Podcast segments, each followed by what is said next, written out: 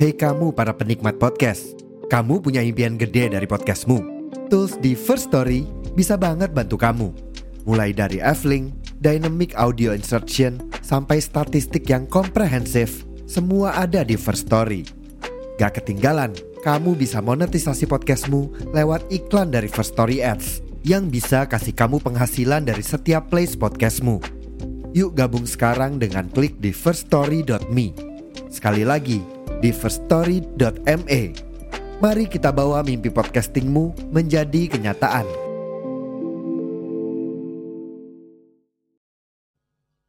Check sound, check sound, one, two, three, and check sound, check sound again, one, two, three. Kembali lagi di podcast Anggrek Malam season 2 Ka pum, pum, pum, pum, pum.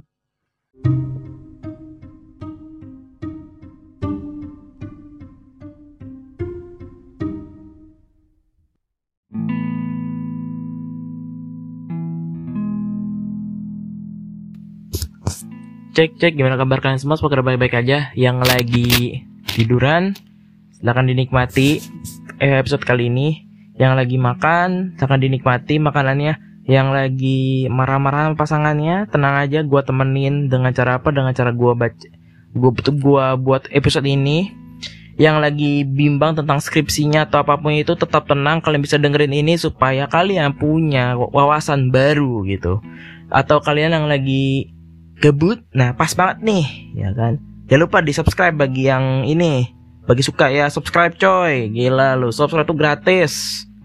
Apalagi ini episode bisa di download di semua platform yang kalian suka gitu.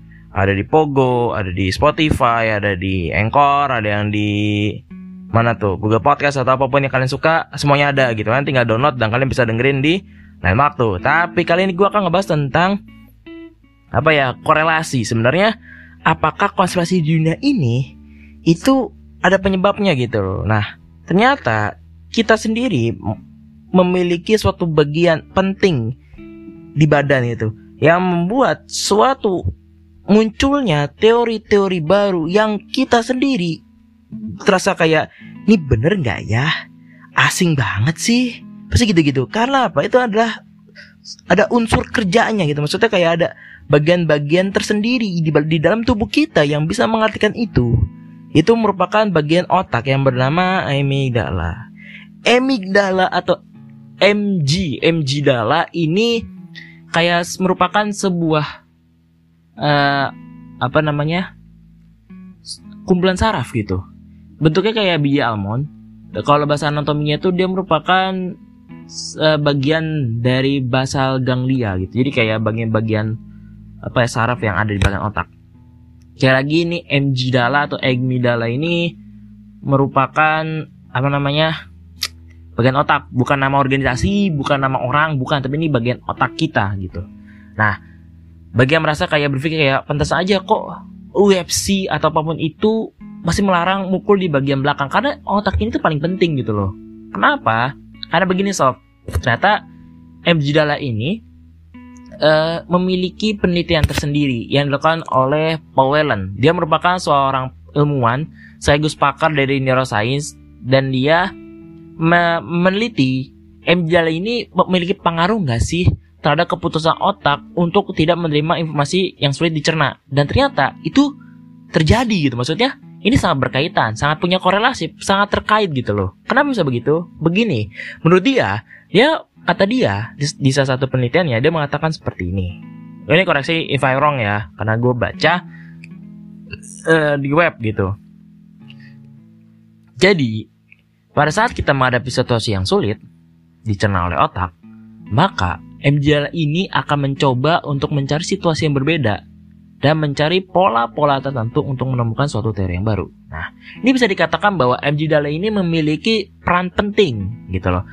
Mungkin kita berpikir kayak ah gue pengen ini. Eh ternyata dia lain. Nah ini mungkin fungsinya si MG Dala inilah yang membuat kita bisa begitu. Seperti itu. Jadi jangan khawatir dan jujur saja gue merasa pada saat gue mencari ini gue berpikir bahwa sebenarnya apakah konspirasi dunia ini memiliki korelasinya dengan ini? Mesti si MG Dala ini eh, si Dala tersebut dan ternyata ada gitu loh. Kenapa bisa begitu? Kita tahu sendiri bahwa informasi di luar sana ya kan sangat mudah sekali diterima gitu. Sangat mudah dicari sangat mudah. Itu ngebuat orang-orang jadi kayak mu- mudah menghubungkan setiap apa ya data per data atau menunjukkan teori-teori baru yang mungkin bisa make sense bisa juga enggak gitu loh. Harusnya begitu. Karena kita tahu sendiri bahwa kita tahu bersama bahwa konspirasi ya. Konspirasi gitu. Pasti kalian udah tahu kata konspirasi tapi kalau misalnya nggak tahu jadi jadi konspirasi itu kayak sebuah apa ya namanya ya kayak teori-teori yang mungkin kayak tidak masuk akal tapi kalau misalkan dicari secara mendalam mungkin bisa terjadi gitu loh. Nah bagi yang pengen tahu coba didengarin ini secara baik-baik oke? Karena ini akan menjadi pembahasan serius. Here we go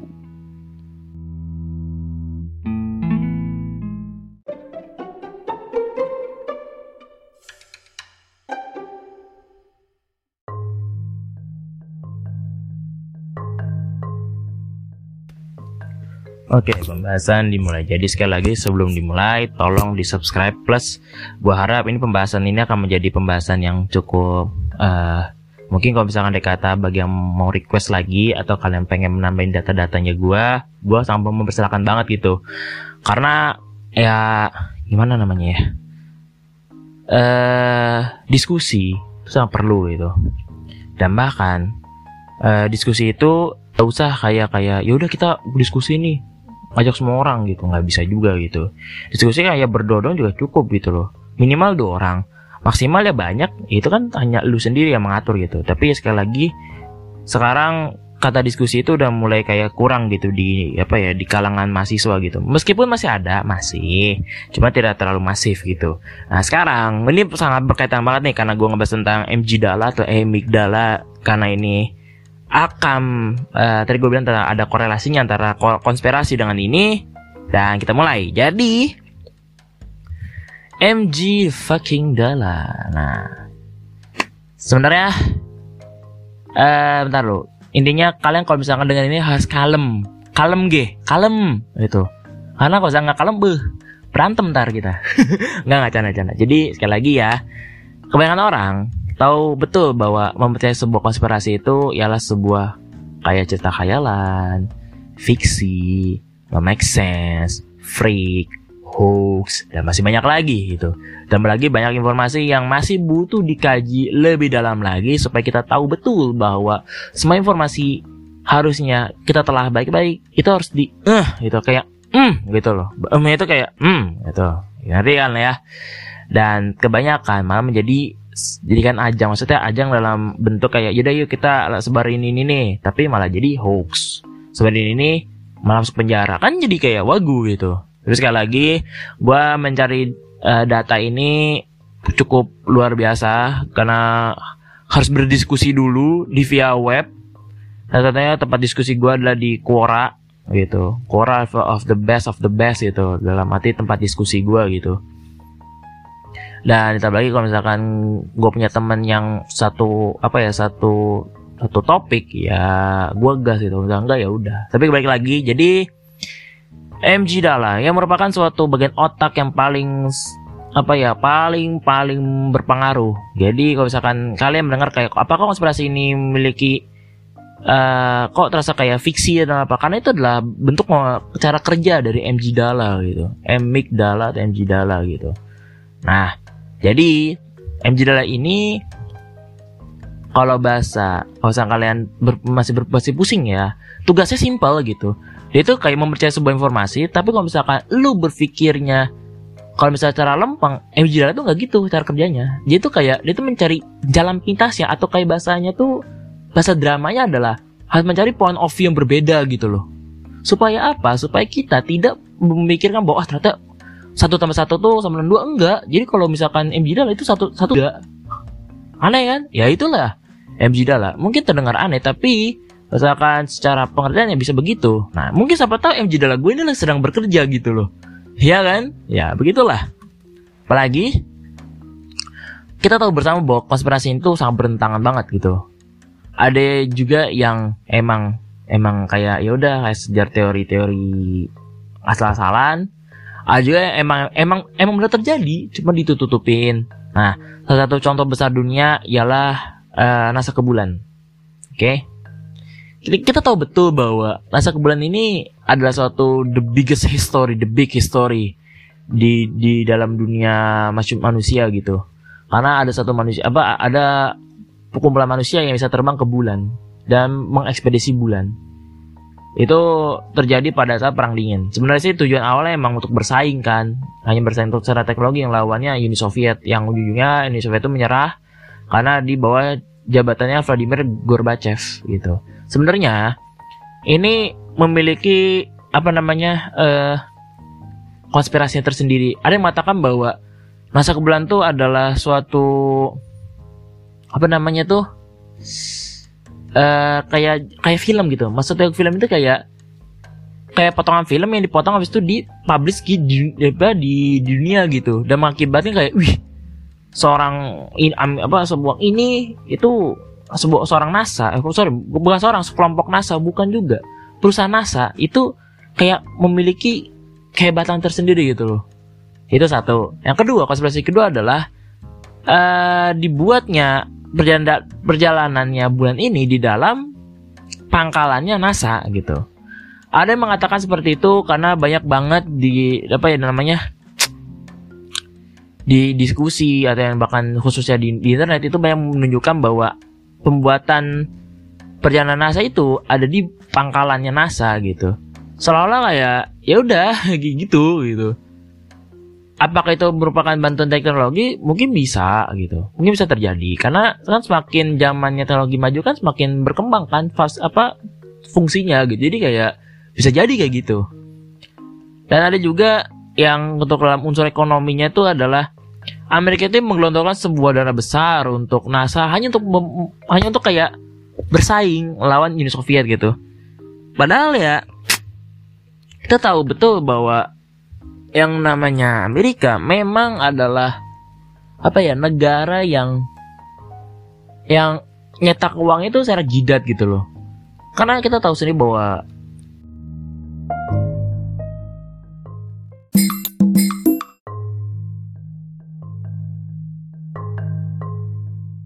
ya kita kita tahu betul bagi yang nggak tahu nama The Fed The Fed itu kayak perusahaan swasta yang yang tidak terikat oleh pemerintah Amerika dan itu adalah orang yang bisa mencetak uang. Harusnya kan pemerintah yang bisa mencetak uang, tapi kalau ini pihak swasta.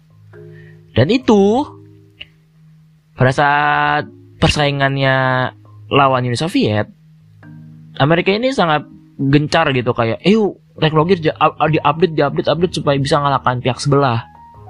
Padahal ini balik ke episode gue yang belakang bahwa Amerika dan Indonesia itu merupakan kayak saudara jauh. Karena pendirinya the foundernya juga orang bayarannya Amerika gitu dibayar oleh Wall Street. Tapi ya sudahlah. Nah sekarang balik kepada yang sekarang tentang NASA. Jadi digelontorkan semua dana besar untuk bisa bersaing. Dan ujungnya ya ya menang gitu karena terakhir perjalanan bulannya Rus eh, Uni Soviet ini ya berakhirnya astronot siapa gitu gue lupa namanya yang balik ke bumi malah ya ya jadi inalilahi gitu. Nah kalau untuk Amerika enggak gitu. Kan aneh gitu. Dulu kan belum ada teknologi cuman ya who, who else gitu? Bukan bukan who else sih kayak who knows gitu nggak ada yang tahu gitu. Siapa siapa tahu juga siapa? Paling orang sana gitu. Makanya itu baik teori konspirasinya gitu jadi sekali lagi bahwa MJ ini sangat mempunyai kekuatan penting gitu. Bahkan gue ngomong kayak tadi pun juga merupakan suatu fungsi kerjanya dari MG Dala gitu, Dala MG Dala lah. Dan sekali lagi gue ingetin bahwa MG Dala ini kayak apa namanya ya? Bahasa singkatnya itu seperti kita berpikir tapi pengen nyari point of view yang berbeda ada gitu aja udah simpel kan nah selanjutnya tahu betul bahwa yang namanya konspirasi pasti butuh namanya apa namanya berpikir secara lebih gitu. Artinya bahwa salah satu cara untuk bisa mengerti konspirasi ya kita berpikir secara banyak point of view gitu. Tidak hanya dari point of view-nya gua, tidak hanya secara point of view-nya pemerintah atau dari pihak kesehatan atau apa kita bahkan dari lu sendiri juga harus perlu gitu. Tapi karena gua ini adalah episodenya uh, ada di gua jadi gue pengen benar-benar coba. Gue pengen menggunakan MG Dala gue untuk bisa memikirkan sebenarnya berfungsi secara baik gak sih? Nah salah, satunya gue pengen angkat tentang ini COVID-19 sekali lagi ya pada saat gue bahas ini tolong jangan pada jangan pada panas ya. Jangan, jangan pada kayak wih gitu. Yang getar jangan gitu. Jangan please jangan. Tapi karena ini merupakan suatu konspirasi yang sangat masih panas karena di tahun 2003 ya kan baru para, baru dari pasca kelarnya covid ya kan. Jadi jujur gue covid kan dia dua kali gitu. Dan gue merasa kayak wah shit banget dah sumpah. Capek banget sesak nafas. Bahkan itu kayak menyebar ke orang tua gue dan itu kayak oh my god gitu. Oh my god gitu. Bahkan gue berpikir bahwa kayak apakah ini menjadi ya hidup terakhir gue karena wah pegel coy. Sesak nafas capek muntah-muntah. Wah lama god gitu. Kayak ah udahlah. Tapi itu adalah suatu pengalaman sangat berharga buat gue karena ya dua kali coy itu keren. Udah keren juga sih kayak merasa oh gini rasanya gitu ya uh, sakit gitu covid-19 dan Berkaitan dengan COVID-19, kita tahu betul bahwa penyakit COVID-19 ini katanya, demi katanya, dan gue lihat di internet, dan gue lihat lagi di pembahasan diskusi, mengatakan bahwa ini merupakan suatu kebocoran yang ada di Wuhan. Tapi kita tahu tahu betul bahwa bagi yang mungkin anak lab, kita tahu betul bahwa kan peraturan dari lab kan ketat ya, ya nggak sih itu. Pasti ada prosedur-prosedur yang harus ditaatin gitu. Kalau misalkan itu bocor, harusnya kan ditangani secara masif. Ya dong. Ya kan? Tapi entah kenapa kayak disengajain bahwa yaudah yuk kita kita coba yuk uh, apa eksperimen itu langsung ke manusia langsung gitu secara global gitu.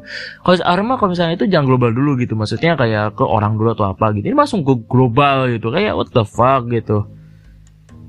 Dan harusnya kalau misalkan itu secara global kan di ditangani secara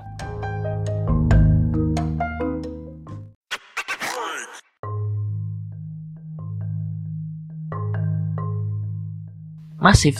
Tapi kayak uh, gue pikir bahwa ini tuh kayak ada yang sudah merencanakan sesuatu gitu loh mungkin kayak pengen jualan obatnya atau pengen ngeliat apa hasilnya atau apa gue nggak ngerti gitu tapi ini adalah merupakan saya lagi nih gue garis bawain bahwa ini merupakan fungsi kerja dari MG dalanya gue gitu.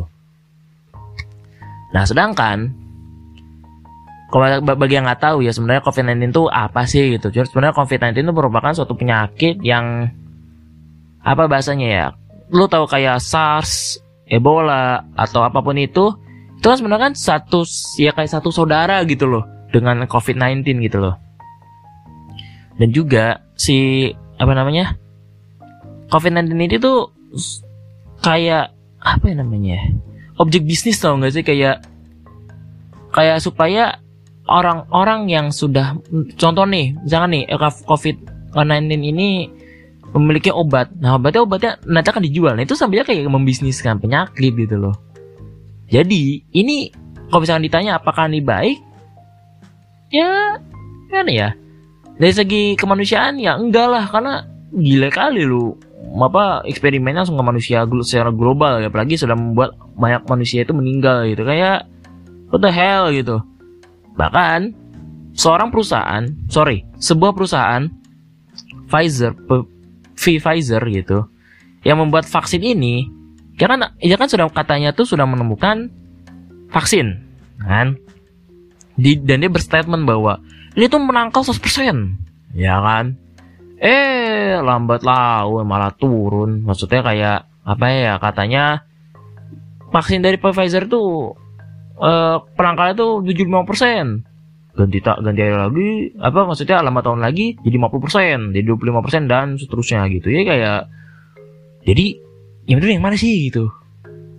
Dan bahkan katanya di cairan vaksin COVID-19 itu katanya ada microchip.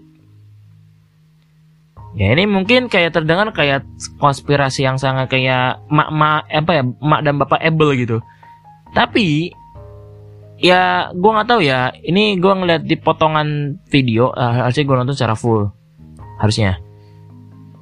Tapi potongan video pas gue coba cari pembahasannya dan lain-lain katanya itu vaksinnya itu ada microchip. Jadi kita sendiri itu sudah ditanamin suatu ya teknologi. Ini mana ya privacy kita tuh terasa kayak gak aman gitu loh jadi kalau misalnya kayak bertanya kayak kok ada microchip? Tujuan apa sih ada ada microchip? Supaya kita bisa dideteksi supaya kita bisa diketahui oh ternyata ini orang di mana di mana di mana gitu. Dan misalkan lu iseng coba deh. Kalau bahasa kasar coba lu uh, nyalain bluetooth. Kata orang-orang coba nyalain bluetooth habis itu coba di searching ke badan lu. Lu ada bluetooth nggak? Gitu. Misalkan ada berarti lu ada microchipnya. Orang gitu. Cuman gue sendiri ya. Kayak aduh. Bahkan gue sendiri pun mempercayai begitu ya bingung juga karena tidak ada landasan teorinya gitu. Tapi karena ini merupakan uh, episode gue menurut gue sih ini akan menjadi pembahasan lebih panjang lagi gitu. Kalau misalkan kita angkat ini. Dan apa namanya?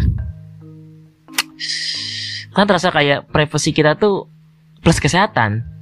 Jadi kayak ajang bisnis tau gak sih?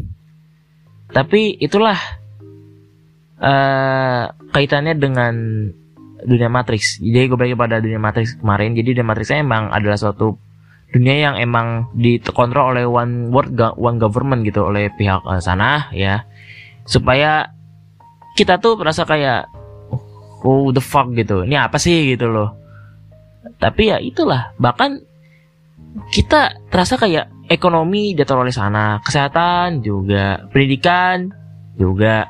Terasa kayak apa ya?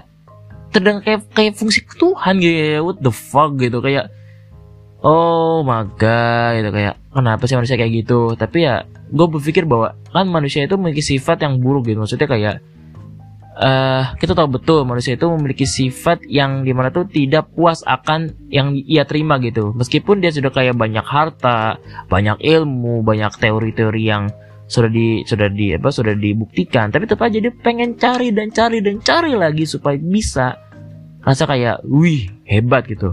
Nah, sebenarnya kata hebat ini yang kadang menjadi suatu di apa ya dilema gitu. Yang terdengar kayak How the fuck?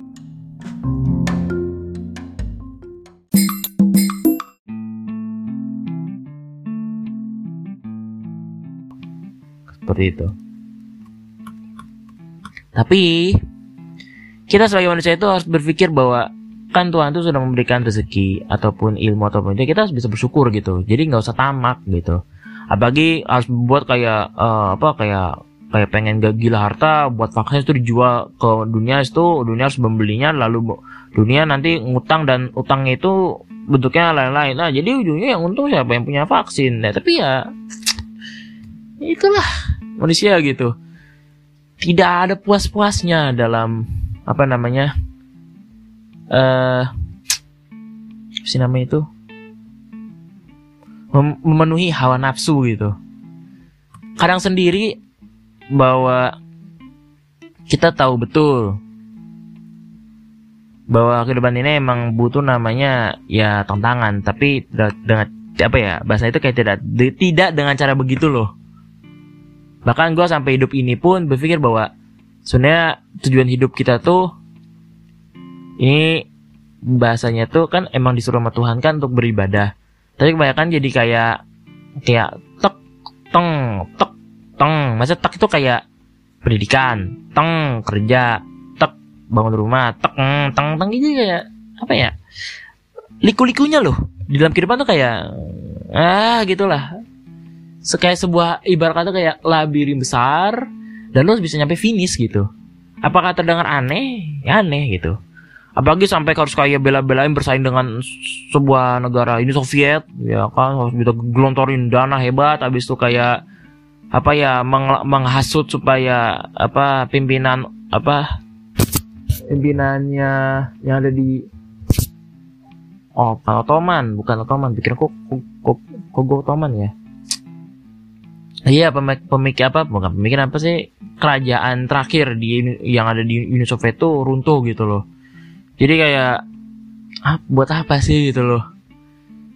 Kan hidup yang lebih enak adalah kita bisa bersama-sama dan kita bisa kayak kayak hidup seperti biasanya gitu loh. Tapi kadang ada suatu hal yang kalau menurut orang sana tanpa ada namanya tantangan kita saya jadi kayak ah apa ya apa ya hambar nih butuh garam. Garamnya apa? Dibuatlah tantangannya. Dengan cara apa? Vaksin ya kan. Habis itu ya apa namanya buat dibuat dibuat krisis moneter ya kan. Dibuatlah ini ini ini ini supaya manusia itu merasa kayak kuat. Sebenarnya kata kuat ini tuh menjadi kayak apa ya rasa ambiar gitu loh. Dan bahkan sampai detik ini gue nge-podcast pun kan tujuannya emang kayak buat having fun ya kan. Tapi lambat laun jadi kayak coba gue angkat yang pembahasan itu sedikit kayak begini loh. Kayak agak sedikit menjuru. Atau kayak ke arah yang sana-sana. Tapi ya sekali lagi ini merupakan cara cara apa ya kalau bahasa sana oh, kata orang sana itu cara kerja hidup manusia gitu loh. Kalau bahasa presiden kita ya kerja kerja kerja. Ya dong gue nggak salah dong. Kan kerja kerja kerja gitu. Tapi sekali lagi ini merupakan cara kerja otak dari otak gue yang tadi namanya MG Dala atau Dala. Dan mungkin kalian terdengar kayak kok bisa gitu sih pikirannya coba dong gue mau gitu. Ya itulah. Harus diasah gitu loh. Dengan cara apa biasanya? Ya lu sering baca, sering ikut diskusi, sering ikut dengan apa, sering nonton video-video yang emang mengasah pikiran lu gitu loh. Bahkan gue juga iri gitu terhadap teman-teman gue yang ikut sekolah apa ya sekolah uh, ideologi atau sekolah apa namanya filosofi atau apa pun itu atau kayak sekolah-sekolah yang mengupdate dirinya itu kayak wow banget menurut gue gitu. Tapi kebanyakan entah kenapa malah jadi ajang bisnis gitu. Maksudnya orang buat ini ya kan? Atau harga segi, segede gaban. Tapi malah kayak apa ya secara kuantitas dapat tapi, secara kualitasnya apa gitu. Itu yang sampai gue sampai gue gini kayak berpikir ini orang yang buat acara ini apakah incer secara kuantitas?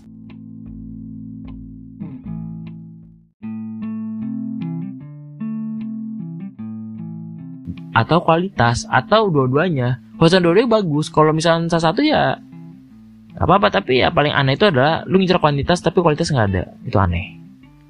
Sama kayak lu bersaing di suatu kampus ngincar di ke, di jabatan LK ya dong. Dengan kata lu ngincar itu ya kan? Kalau kalau tujuannya baik untuk bisa membangun apa ya kemakmuran di tingkat ma mahasiswa it's okay. Tapi kalau misalkan hanya untuk kayak ih gue pengen pengen pamer apa jabatan ini ini ini ini. Mending gak usah gitu. Mending lu buat perusahaan sendiri lu buat sebaik mungkin lu baru bisa pamer jabatan. Tapi nggak nggak gitu juga cuman ya itu kan kayak who the fuck lo lah gitu. Ngerti nggak sih maksud gue gitu. Dan ya asalkan ya gimana ya apalagi muncul namanya tren magang gitu mana gue bahas dengan salah satu teman gue ya dia merupakan satu demis presiden di di satu komunitas dan dia mengatakan bahwa tren magang ini akan menjadi suatu yang gencar atau suatu yang masif gitu. Tapi untuk tingkat kampus gue sendiri belum karena masih pada berpikirnya ya LK is better gitu. Tapi ya sudahlah gitu. Tapi sekali lagi ini yang ngebuat kayak apa ya ini gue objek itu sekarang magang ya. Sebenarnya magang itu kan baik ya kan mengkonversikan mata apa ya eh KRS lu menjadi praktek kerja lu kan bahasa bahasa bahasa orang dulu tuh PPL tapi kalau bahasa PP, sekarang PPL tuh sama itu beda gitu kata orang-orang. Cuman ya gue sendiri juga kayak ya mau gitu loh magang. So kalau misalkan dari pihak-pihak sananya membut masih masih kayak apa ya mencari kualitas emang emang sih kualitas itu emang penting cuman kan magang tuh sebagai kayak ajang untuk sekolah gitu loh ajang belajar gitu loh. Tapi malah carinya per- perfect ya kapan jadinya gitu loh. Lu mau yang perfect ya mending lu buat jadi kayak full time aja sekali yang jadi employee gitu. Tapi malah magang tapi maunya yang eh itu langsung langsung kayak matangnya nggak bisa gitu loh. Itu banyak banget di luar sana yang kayak begitu perusahaan-perusahaan besar. Tapi gue nggak usah sebut nama-namanya karena nanti gue diincar lagi. Tapi ada gitu loh ya itulah sekali lagi merupakan ya apa ya namanya lika-liku kehidupan kita tambah lagi dengan adanya konspirasi ngebuat jadi kayak bu- bumbu-bumbu penghangat di dalam kehidupan kita gitu. Tambah lagi dengan kita kalau misalnya kita bisa mampu meng mengtraining kemampuan yang ada dalam diri kita mau secara organ, secara pemahaman, secara ini ini, lo akan bisa mencapai targetnya lu. Gitu loh. Lu targetnya apa? Mungkin bisa tercapai asalkan lu bisa giat dan istiqomah gitu. Oke. Mungkin segitu aja pembahasan pembahasan pembahasannya ya kan. Masa pembahasan pembahasan ya. Ya gitulah. Lanjut kepada sesi penangan gitu. Here we go.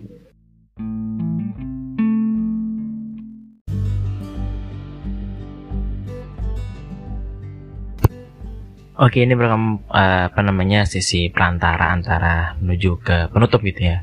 Jadi kalau misalkan kalian berpikir sebenarnya nih kayak apa namanya? Nanti kan kalian kan sudah mendengar bahwa perannya udah, udah ada kan. Nah, sebenarnya dampaknya apa sih? Kalian dampaknya pasti akan berpikir secara lebih dan lebih dan lebihnya. Kalian akan memiliki pemikiran secara point of view yang berbeda.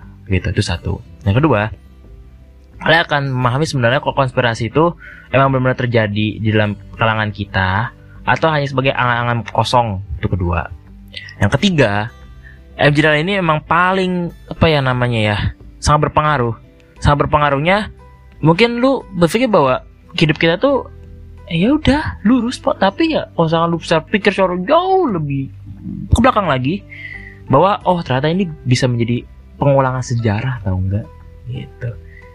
Makanya itu eh bapak bapak insinyur kita bapak bapak insinyur Soekarno mengatakan bahwa jas merah jangan sekali-kali merupakan sejarah. Itu merupakan suatu mungkin daya fikir atau daya analogi yang sudah ditemukan oleh bapak Soeharto yang di mana mungkin dia sudah menggunakan amigdala atau amygdalanya supaya itu menjadi suatu kata-kata yang keluar di mulutnya dia gitu loh. Makanya muncul kata jas merah. Sekali merupakan sejarah. Itu yang ketiga yang keempat lu yang keempat tuh eh gimana itu bahasanya ya? Gue lagi mikir nih.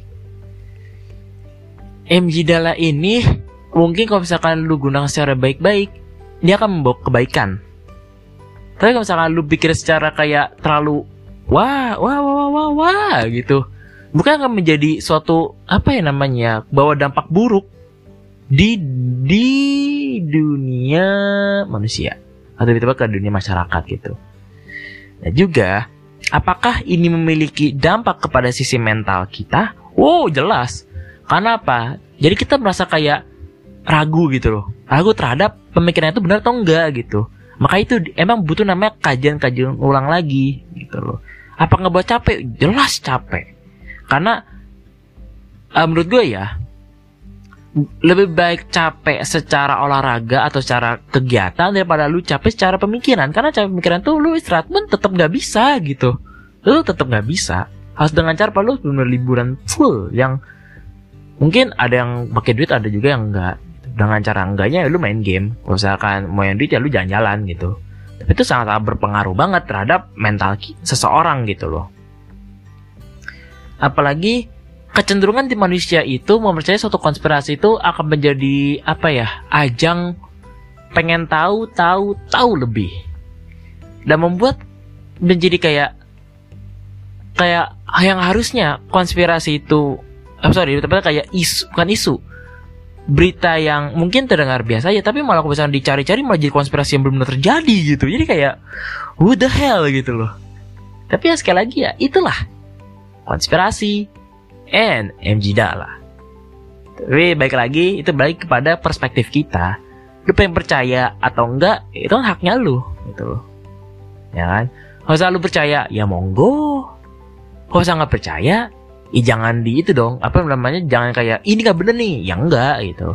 Kalau kau bisa tuh lu coba arahkan itu supaya tidak terjadi hal itu. Maksud gini loh. Lu punya temen nih pemikirannya sangat ekstremisme gitu bagaimana cara tuh bisa lu ngingetin dia apa lu langsung kayak marahin dia? Nggak bisa.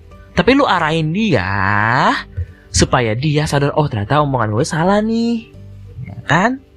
Kalau jangan salah mintalah dia untuk minta maaf.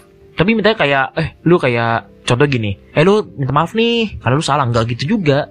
Tapi buatlah dia tuh sadar bahwa omong omongan dia, dia salah tuh plus dia tuh mengakui bahwa oh ternyata gue butuh nama, uh, minta maaf nih. Kayak gitu loh. Itu namanya fungsi peranan manusia. Harusnya gitu. Cuman disalahartikan. Malah jadi kayak ajang bahas dendam. Atau merasa kayak menggurui kayak sok suci. Ah sok sok suci itu ya sebenarnya boleh nggak boleh. Tapi kalau orang yang sana kayak ih sok suci lu gitu ya ya udah. Rusaklah tatanan manusia gitu loh tapi ya gitulah namanya manusia. Oke lanjut kepada sesi penutup. Here we go.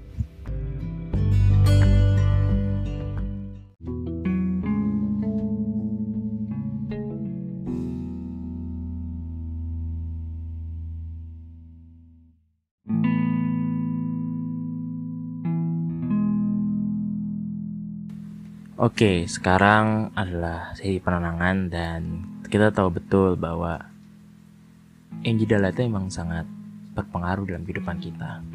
Bahkan gue tadi ngomong kayak begitu aja, emang merupakan suatu apa ya murid dari gue pakai itu, gitu.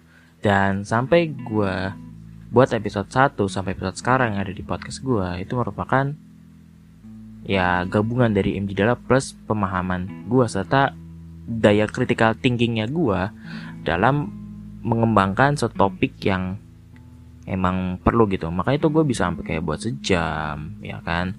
30 menit atau kayak bahkan ada yang 10 menit doang. Itu itu merupakan suatu kayak proses gitu loh.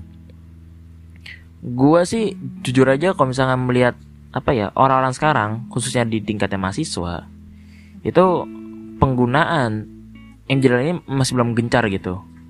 Tapi emang kalau misalkan kayak ini kan terasa kayak dibilang gencar mungkin agak terasa kayak salah gitu sih.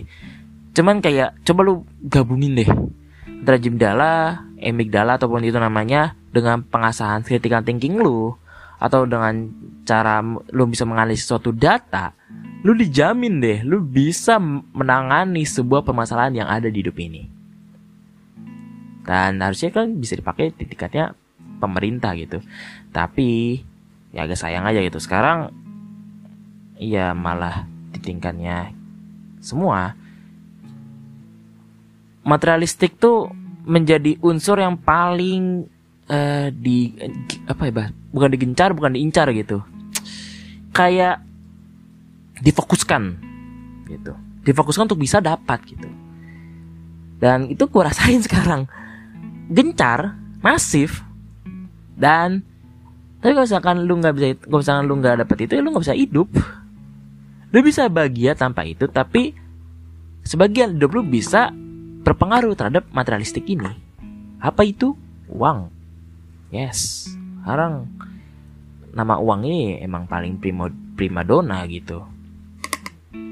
Dan pagi kayak gue ngeliat temen gue yang udah mulai kayak Adam dia sih seneng gitu ada yang sudah fokus ke dalam dunianya dia kayak ikut perlombaan atau kayak hidup ik suka kayak apa namanya kayak semacam apa ya fokus ke dalam LK tapi dia bukan fokus ke jabatan tapi kayak kayak pengen mem memperbaiki ya gue seneng banget gitu. Atau ada teman-teman gue yang udah muda yang udah sukses udah ada yang yang sorry lebih tepat kayak sudah ada yang uh, apa namanya besar jana ada yang sudah kerja. Bahkan ada teman gue yang udah nyampe target penjualan itu udah sampai tinggi gitu. Dan gue selalu teman-teman gue yang kayak gini. Dan ya gue harap sih gue juga bisa kayak gitu. Karena ini merupakan suatu apa ya objek bukan objek target besar dalam hidup hidup gue gitu. Dan gue sendiri sih pastinya tetap gue akan pakai apa ya amigdala ini supaya gue tidak terasa kaku dalam kehidupan ini. Karena makin apa ya makin kakunya seorang manusia bakal bakal lu akan cepet lempeng gitu. Masa cepet lempeng itu apakah baik? Ya nggak baik gitu loh. Lu kayak dikasih informasi kayak lu lu tahu nggak si A ini ngeus di gedung D? Lu tahu nggak? Mungkin kalau misalkan lu lempeng kayak iya tahu tahu. Tapi kalau misalkan lu bisa kritis kayak oh apa iya? Apa iya? gitu. Maksudnya kayak sering muncul kata bertanya gitu loh. Ngerti nggak tuh gue Hanya gitu? Di tingkat manusia di tingkatnya manusia uh, sorry lebih banyak tingkat masyarakat. Di, apa khususnya di tingkat masyarakat apa di tingkatnya mahasiswa gitu. Tapi malah kayak oh my god. Rasa kayak ya udahlah gitu loh. Tapi ya sekali lagi itulah uh, kehidupan. Kadang naik kadang dia turun sama kayak iman sama juga kayak semangat gitu. Bagaimana cara bisa istiqomahnya? Ya lo bisa memiliki goals gitu loh. Jujur goals gue ini adalah gue bisa sukses di dunia podcast tuh kayak wow banget gitu loh. Dan karena apa? Karena di tingkat khususnya di tingkatnya mungkin mahasiswa ya. Mungkin mungkin ada ya mungkin ada. Tapi kayak gue yang ngebahas kayak begini itu masih belum ada yang bisa coba gitu. Gue udah pernah ngajak temen gue kayak namanya Bundario dia kan adalah temen gue yang emang gue ajak collab gitu loh. Tapi makin lambat laun ya dia udah makin sibuk dan mau mau nggak mau gue akan jalani ini episode gitu. Nah, maksudnya lebih gue jalani adalah podcastnya gitu. Dan mungkin untuk ke depannya ya pembahasan besok itu gue coba bahas tentang pengembangan diri lagi deh. Karena membahas konspirasi itu adalah ya senang menurut gue. Dan gue dan gue juga bisa mengasah injidala gue supaya lebih tajam lagi lebih eh lagi gitu loh.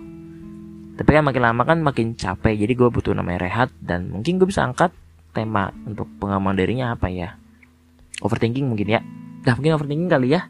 Karena banyak overthinking ini di, di Indonesia gitu. Dah mungkin segitu aja untuk pembahasan kali ini. Sekali lagi bagi yang suka jangan lupa di subscribe di komen di share gitu dan kalau misalnya kalian suka, kalian bisa download episode ini kan ini kan on demand. Jadi kalian bisa download habis itu dengerin di mana pun, kapan pun dan siapa pun bisa mendengarkannya gitu.